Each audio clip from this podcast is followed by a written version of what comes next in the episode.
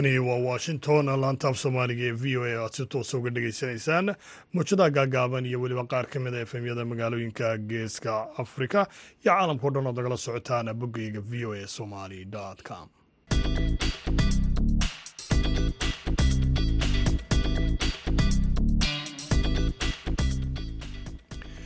duur wanaagsan dhammaantiinba dhegeystayaal meel kastoo aad joogtaanba waa isniin taariikhduna ay tahay toddobada bisha ogas ee sanadka laba kun iyo saddex iyo labaatan haatan dhegeystayaal saacadda afrikada bari waxay tilmaamaysaa kowdiyo barhkii duhurnimo idaacadda duhurnimo ee barnaamijka dhallinyarada maantana waxaa halkan idinkala socodsiin doona anigoo ah cabdixakiin maxamuud shirwac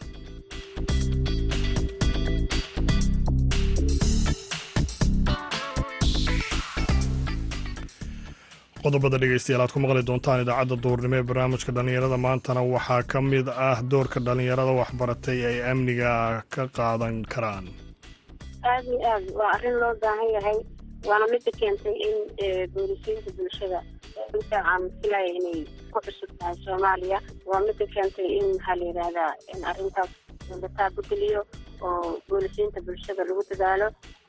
Waana arrin cusub insha allah waxaan rajeynaynaa in sidii hore ay ka fiican bulshada iyo maxaa booliska ay iskula ambaqaadaan waxaa kalood maqli doontaan gabdhaha suxufiyiinta oo ku soo badanaya xarumaha warbaahinta ee gobolka awdal iyo weliba qodobo kaloo dhinacii kaalmaha heeso ay ka mid yihiin. Hase yeeshe marka hore ku soo dhowaada qodobadii wararka adduunka ugu waaweyna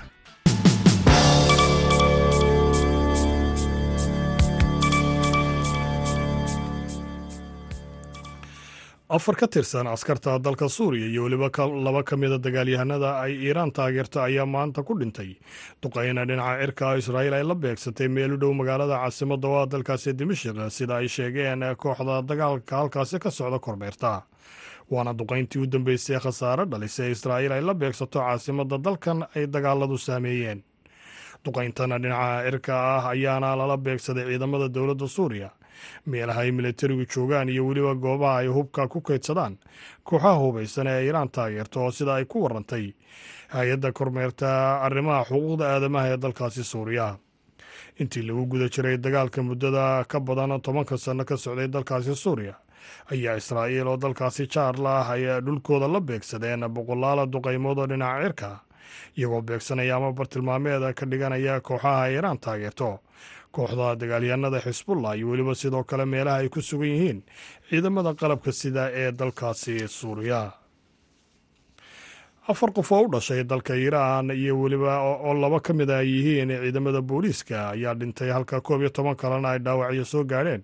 Kadib markii dhismo ay halkaasi aanidhaahda dhismayaal ku soo dumeen caasimada dalkaasi ee dahraan sida ay warbaahinta maxalliga ah ee dalkaasi maanta ku warantay ciidamada booliiska ayaa ilaalinayay amaba eegayay duminta oo qorshaysneed axaddii dhismayaashan oo aan mid ka midi fasaxaysan. Islamarkaana ku yaalla koonfur galbeed ee magaalada. Wakaalada wararka ee isna ayaa iyaduna axaddii sheegtay in uu yaraan saddex qof ay ku dhinteen dhacdadaasi. Howlgallada samata bixinta ayaana halkaasi ka socdaa si loo helo dad kale haddii ay suurtagal tahay inay halkaasi hoosta burburka halkaasi ku hoos xayiran yihiin waxaana sidaasi ku warantay wakaaladaha wararka ee isna iyo weliba tasniim sida ay wakaalada wararka isna iyaduna sheegtay mas'uuliyiinta ayaa markii hore bilaabay inay burburiyaan hal dhisme iyadoo intaasi kadibna shan dhismo oo kale ay raaceen amaba ay la burbureen markii duminta lagu bilaabay dhismahaasi. Dhegeystayaal qodobadii ugu waaweynaa wararka adduunka waa intaasi ayay ku eegyihiin haatanna u diyaar garooba qeybaha kale idaacadda duhurnimo ee barnaamijka dhallinyarada maanta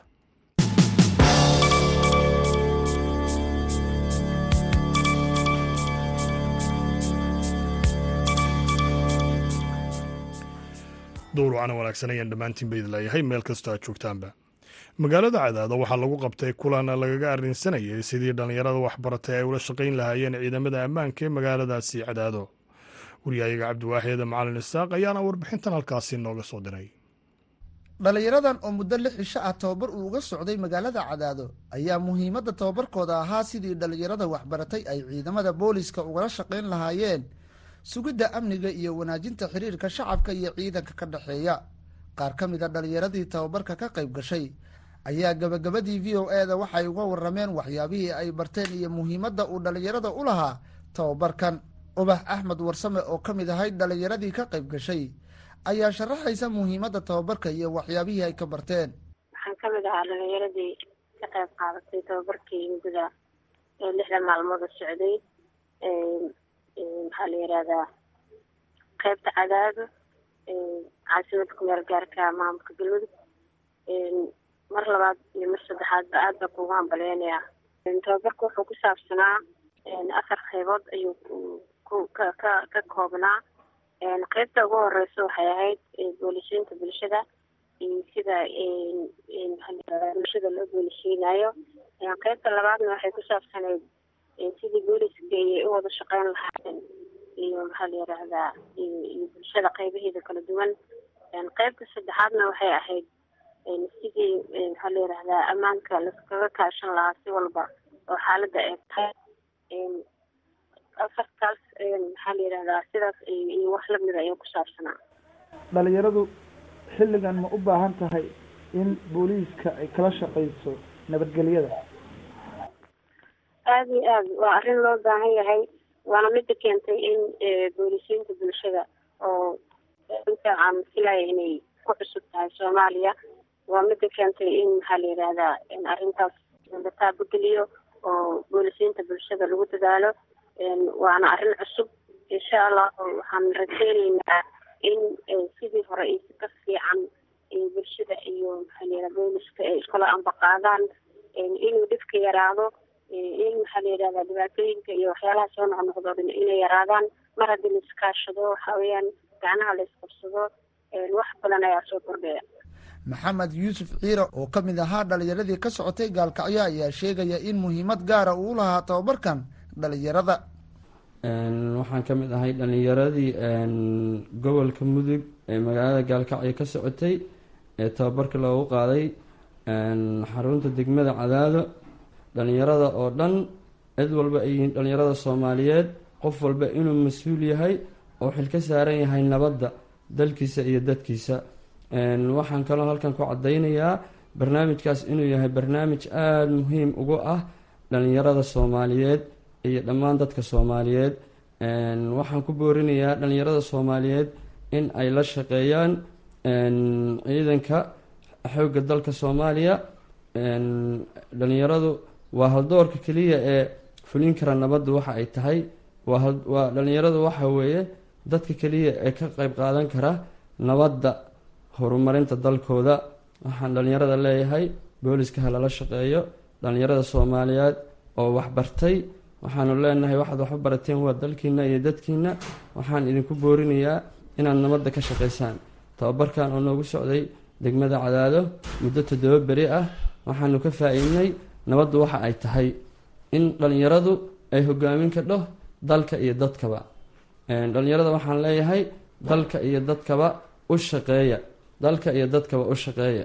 Waxaan kaloo idinku boorinayaa nabaddu waxa ay tahay nabad la'aan waa nolol la'aan. Nabaddu waxay ka turjumaysaa haldoorka qofka bili-aadanka ah waxa ee noloshiisa waxa ay tahay. Haddaadan nabad haysan nolol ma haysatid. Waayo nabaddu waa naas. Ha laga faa-iideysto barnaamijkan waxa uu quseeyo waa dhalinyarada soomaaliyeed. In ay la shaqeeyaan ciidanka. Ubax ayaa dhalinyarada ugu baaqday sidii ay uga shaqayn lahaayeen wanaajinta deegaankooda iyaga oo iskaashi la yeelanaya laamaha amniga. Aada iyo aad. Anaga markasta waxaan u taaganahay inaan inaan maxaa la yidhaha booliska la shaqeyno waxaan u taaganahay inaan dalkeena horumarsano guud ahaan wadanka soomaaliya dhalinyaradu aad ayay xamaasad ugu jiraan gaar ahaan galmudug waxaan diyaar u nahay inaan markastaba horumarka ka qayb qaadano. Waana mida keentay in boolisiinta bulshada la keenay. Runtii aad baan ugu mahadcelineynaa maxaa la yidhaahdaa aydii soo abaabushay barnaamijka aad baan ugu mahadcelineynaa mar labaad mar saddexaad. Waa wakti loo baahnaa ay ku soo aaday ayaan dhihi karaa. Ugu dambeyntii maxaad ugu baaqi lahayd dhalinyarada waa mahadsantahay abdiwaxid dhalinyarada waxaan ugu baaqayaa guud ahaan soomaaliya gaar ahaan dhalinyarada galmudug inay gacnaha isqabsadaan ammaankooda ayaga ay ka shaqeeyaan. Sidii isdhexgalka bulshada loo loo bilaabi lahaa maxaa la yihahdaa guud ahaan in dhalinyarada ay wadanka dhaqaajiso inay gacnaha isqabsadaan wixii ammaanka ka hor imaanaya inay ay ka difaacaan runtii dalka ayaga ayaa matalayo oo dadka iyaga u soo kacayo waana midaas midda aan rabnay inaan guud ahaan gacnaha isku qabsana reer galmudug waxaan leeyahay cidna inama qodno cidna inama qodno adinka isku tashada nabadda gacnihiina ayay ku jirtaa. Waa markii ugu horreysay oo tobabar caynkan oo kalaha loo qabto dhalinyaro laga kala soo xulay deegaanada galmudug waxaana muhiimadda tobabarka uu ahaa in la helo dhalinyaro ciidanka kala shaqaysa xiriirka shacabka iyo helista xogo la xiriira xaalka amni ee deegaanada ay ku nool yihiin. Cabdiwaaxid macalin isaaq v o a gaalkacyo waagaag dhegeystayaal cabdiwaaxid aad iyo aad ayuu mahadsan yahay. Haatanna aynu jilecno dhinacii kaalma ah heesa islamarkaana aynu ku wada nasanno heesta safar iyo weliba codka cabdiqaadir macalin cumar. Jubba.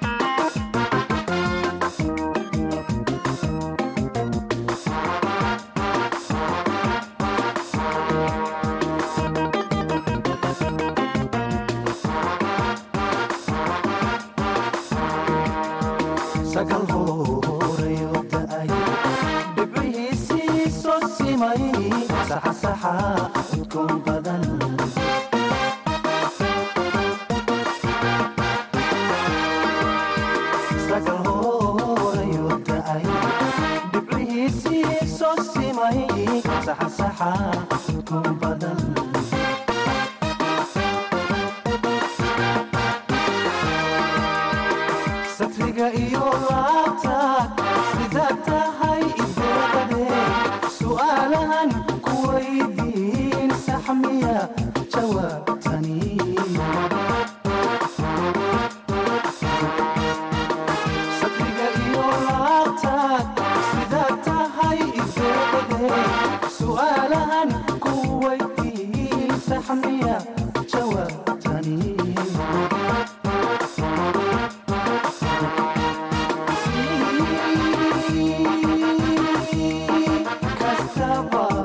أيام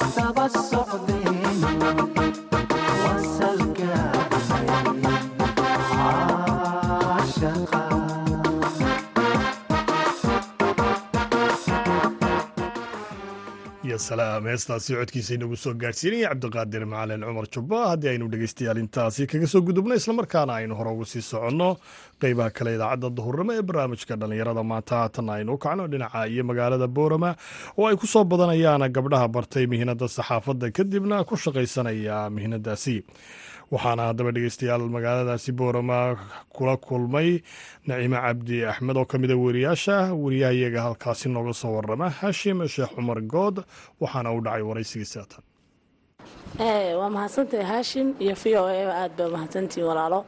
Magacaygu waa naciime cabdi axmed. Waxaan ka socdaa miidiyaha careyda miidiya waxaan ku faraxsanay waraysigan maanta barnaamijka dhallinyarada ee uu ila yeelanayo haashim saxaafadda waan jeclahay ilaa markan yaraana waan jeclaayo. Weligii mar horan toban sano ka hor baan anagu ardaydii ka baxday. Magaalada burco anagoo joogna qoladii saxaafadda dhamase ahayn.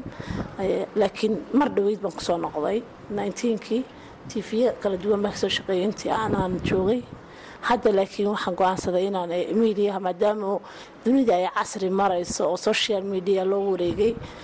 Dunida maadaama globalization noqotay oo adduunkiina uu wareegay digital inaan waxaan go'aansaday aan iska daayo tifiyadii aan ka shaqan jiray tifiyada qudhoodiba maadaama ay maanta iyaga qudhoodii u wareegeen social mediaho. Sababihii ku kalifin waxaa ka mida caqabadahan ay haweenku mar walba ka cawda ee ah tifiyada markaan joogno barnaamijyada waaweyna looma dhiibo tv-ga maamulkiisana laguma aamino marketing hadday tahay dabadeedna waxaasni bal cabashadani ma arrin tifiyadoo dhan isla qabaanba mise hablaha ayaan doorkoodii qaadanayn. De nolosha keeg maaha doonaya in war hit ah amba war weyn. Intuu inaan soo dhirindhiriyo inaanta stuudiya u keeno ee ma dhacayso. Wax walba waxay u baahan yahay halgan iyo dadaal iyo tacab. Dabeedna iminka anagu dee waxaa halkana keenay waxa weeyaan dadaal aan muujinay. Wararka ugu badan eed xoogga saartaan ee aad bulshada u soo gudbisaan waa kuwey waa arrimaha bulshada. Isbedelka cimilada deegaankii dadkii dhallinyaradii guulaystay ganacsiyadoodii maadaama de intaas oo kun oo tv intaas oo kun oo wariyay ay ku mashquulsan yihiin siyaasadda guud ahaan geeska gaar ahaan soomaaliya iyo somalilan waxaan go'aansanay inaan mararka yara duwan siyaasadda nagama maqna oo wariyaasha danala shaqeeya way soo gelinaya mar walba siyaasaddeedana kama madhna laakiin siyaasaddeeda ugu weyn waxa arrimaha bulshada. Maadaama maamulka ay tv-ga hablan yihiin waxay noqonaysaa in khasab in lagaa dhex arko barnaamijyadii haweenka dhallinyarada caafimaadka deegaanka maadaama dee hooyooyin layahay oo dumarkuna ay yihiin tiirka koowaade ee dee wadanka iyo bulshadaba in iska dhex arkaan. Number one waxaa noo ah annaga arrimaha bulshada. Waxyaabihii ugu yaabka badnaa muddada aad ku dhex jirtay warbaahinta gaar ahaan warbaahintan aad gaarka imiga u leedihiin eed haweenka ku maamushaan maxaa ka mid ahaa waxyaabihii la yaabka lahaa ee aad kala kulantay bulshada wararkeeda? Arrimaha bulshada inta ka waramayno la yaab badan oo saas ah ma jiro laakiin xiisaha amba saamaynta igu yeesho waxaa ka mid a sheekaan ka samaynay hooyo kansar ku dhacay oo ka bogsatay kadib annaka noo warantay barnaamijkan ka qabanay. Barnaamijkeeda saamaynta igu yeesho waxay noqotay in telefoonkayga uu jaam galo islamarkaa bejka messajyadiisa ay cerka tagaan sababo la xidhiidha xanuunkaas in dadku uu hayay uu bulshadana ku soo batay. Islamarkaana ay dadka dhan oo iyadaa raadinaya inay uga baanaayeen talooyin maadaama dawadii qaadatay. Ee, naasku kaga dhacay kansarku waa la jaray dawadii bay qaadatay. Alxamdulilah way ka bogsatay ooyo diin labay ahayd oo dawadeedii qaadatay ilaahay bay iska aamintay dawadiina way qaadatay. Si naxdin badanna may dareemin. Waxay ogaadeen in waxaan qadar yahay kadib dadku waxay jeclaadeen inay iyadii talo wada doontaan. Foundation bay abuurtay ee lambarkeedii baan siinay waan ku xidhnay. Murugada maalmahaas iigu badnayd waxay ahayd dadka dhan inay xanuunkaas uu hayo oo aan wacyigelin badan aanay ka qabin. Cid uga warantana aanay jirin. Islamarkaana bulshada somalilan aanay ku baraarugsanayn kansarka maalinkaas ayaamahaasoo dhan muurkayga walaahi ma qiyaasi karayn sababtoo ah waxaan ogaa hablo yaroo dhallinyaro ah oo xanuunkaas ka cabanaya hooyooyin aabbayaal. Dhallinyaro ila sooso waalidkood qabo raba in ilaahay ka dulqaado. Ee sheeko aad iyo aad saameyn badan u labaheed oo anigana dareen gaaray yeelata hadda maadaama aad ka mid tahay gabdhaha ee warbaahinta ku soo biiray dhaqan ahaanna soomaalidu ay aaminsanayd inaanay gabdhuhu war raadin karin warna gudbin karin. Taas maxaa iska bedelay Ee, hashime walaalo. Runtii horta dadkeena imika way koreen maskaxaanna way koreen social mediahiina way ku wada jiraan aalado badan oo kala duwan oo ka mid a social mediaha dhammaantood way isticmaalaan. Ee, waxaa imika sabab fudeeyey kow social mediaha laba qofkiioo wax wanaagsan ku soo bandhigay. Waxa yaraaday wixii wanaagsan social media lagu soo bandhigayay oo wax soo baxay daalado kaloo hablihii wax badan oo kaloo khaldan ka soo gudbinayaan ama dhaqan ahaan ku xun. Dabeedna marka qof dhaqan ahaan iyo aqoon ahaan hagaagsan oo war saxa kuu sheegaya sababay bulshadu ee iminka u cambaaraysaaba ma jirto ama ay u diidaa. Because waxay arkeen wax wixii ay diidanaayeen markii hore gabadh banaanka u soo baxdo shaqaysaa dhib ahayd. Laakiin waxay arkeen social media markay yimaadeen in nolosha dhammayda qoysasku ay banaanka taalo dabadeedna iminka dee adaaba ugu hagaagsan way ku khasban yihiin baa la ilaya horta inay ku taageeraan ay ku soo dhaweeyaan Ee, sidoo kalena waxaa u sababa wallaahi markaad gudaha u gasho wax badan oo dhibaato ah kuma qabno. Maanta madaxweynaha dalka allaha ka yeelo qofka ugu sareeyada aan waco oon war uga baahanay xasaasiyo jira si fiican buu iga jawaaba haddaanu ka jawaabi karayna arrimahaas walaal kama jawaabi karo xilligeedan gaarsiinaya laakiin sida saxdaa buu iigu sheegaa. Inay xog helaan way noo fiican tahay. Berigi hore wariyaasha waxay ka caban jireen xogna lama siiyo. Hadda inaan xog helno baarlamaanka somaliland koo dhalinyar baa u badan. Oo de waa dadkii aad wax soo wada barateen amba bulshada dhalinyarada maadaama dhawaan la doortay. Waad wici kartaa waxa jira markiiba waad helaysaa. Xiriirkuna kow buu ka yahay inaad- lahaato. Ee xiriir bulsho. Haashim sheekh cumar good v o a hargeysa wagaag dhegeystayaal haashim aad aad u mahadsan yahay. Waxaana uu waramaysay naciime cabdi axmed oo ka mid ah hablaha wariyayaasha amaba ah warbaahinta ka howlgala ee ku sugan somalilan haatanna aynu mar kale diba jaleecno dhinacii kaalmaha heesa islamarkaana aynu wada dhegeysanno heestana codkiisa inagu soo gaarsiinayo xasan aadan samater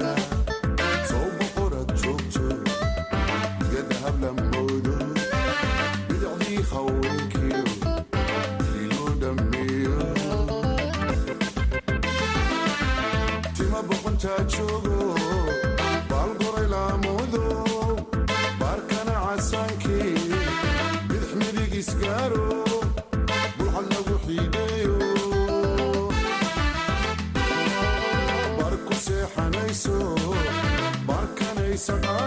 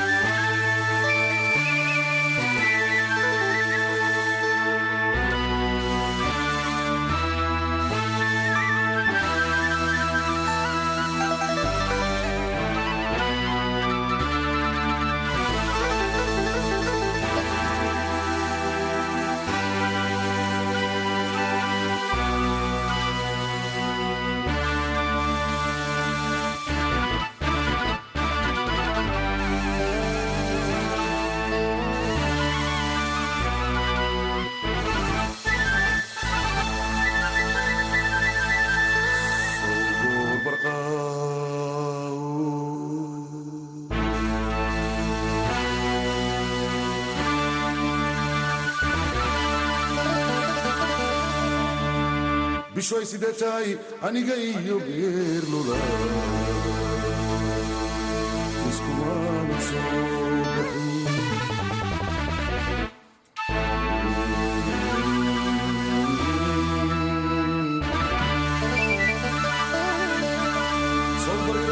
iyo bidaashadeedii buundaraayarte beladu weyn ku taale guudkood bartankeeda maahay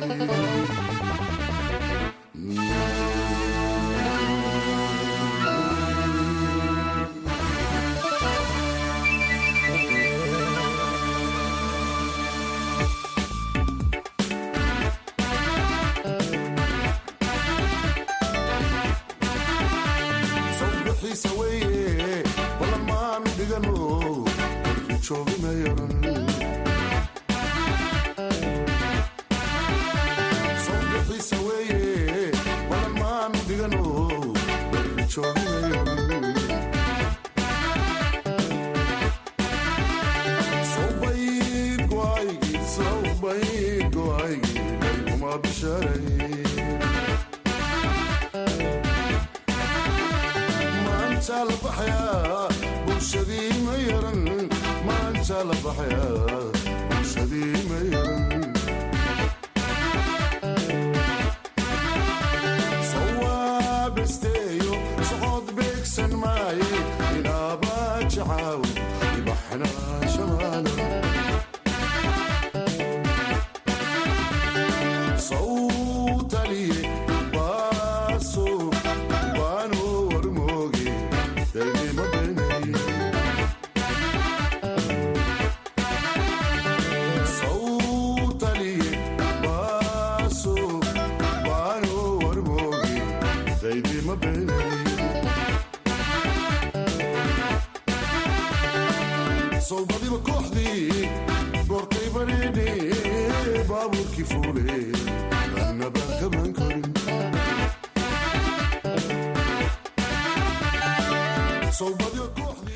heestaasi beledweyn iyo weliba codka xasanaada samatar ayaana dhegaystayaal ugu dambaysay idaacaddii duhurnimo ee barnaamijka dhallinyarada maanta tan iyo kulantii dambe waxaan idin leeyahay dhammaantiinba sidaa iyo nabadgelyo